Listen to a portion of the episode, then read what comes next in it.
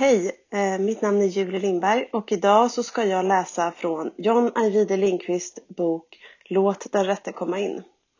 Det här är en bok som för, för mig fick upp ögonen för eh, John Ajvide Lindqvists böcker och hans författarskap.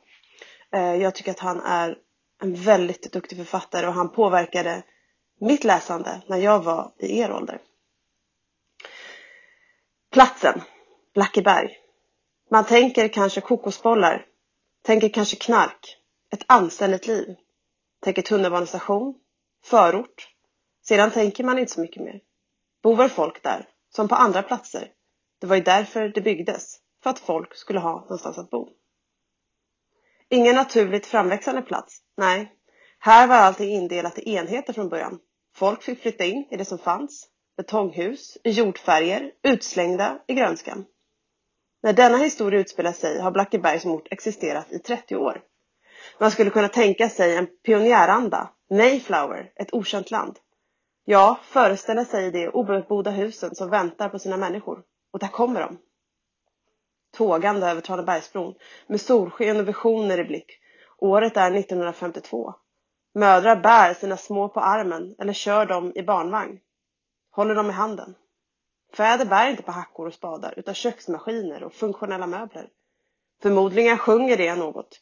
Internationalen kanske eller Ser vi gå upp till Jerusalem beroende på läggning. Det är stort, det är nytt, det är modernt. Men det var ju inte så. Det kom med tunnelbanan eller med bilar, flyttbilar. En och en sipprade in i de färdigbyggda lägenheterna och hade med sig saker.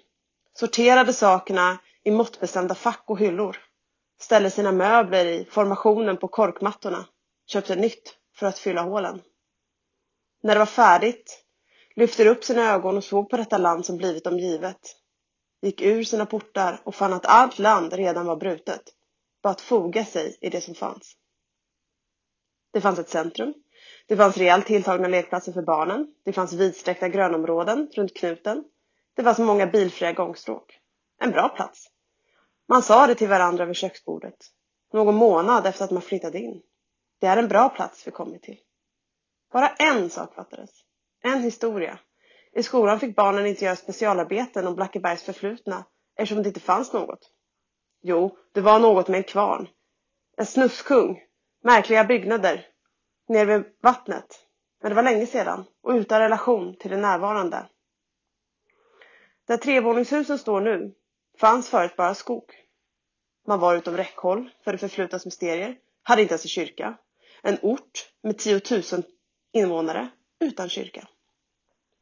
Det säger en del om platsens modernitet och rationalitet. Det säger en del om hur fri man var från historisk hemsökelser och skräck. Det förklarar till en del hur oförberedd man var. Ingen såg när de flyttade in. När polisen i december slutligen spårade åkaren som kört flyttlasset hade han inte mycket att berätta. I hans journal för 1981 stod bara 18 oktober, Norrköping till Blackeberg, Stockholm. Kom ihåg att det varit en man och hans dotter, söt tjej. Och jo förresten, de hade ju nästan inga grejer. Soffa, fåtölj, någon säng. Lätt körning på det sättet. Och att, ja, de skulle ha det på natten då. Jag sa att det blir dyrare då med OB-tillägg och så. Men det var inget problem. Bara att vi körde på natten. Det var liksom det viktiga. Har det hänt något? Åkaren fick veta vad saken gällde, vem det var han haft i sin bil. Han spärrade upp ögonen, tittade på bokstäverna i sin journal. Det var som fan. Munnen gjorde en grimas. Som hade han gripits av avsmak inför sin egen handstil. 18 oktober, Norrköping till Blackeberg, Stockholm. Det var han som hade kört dem, mannen och flickan.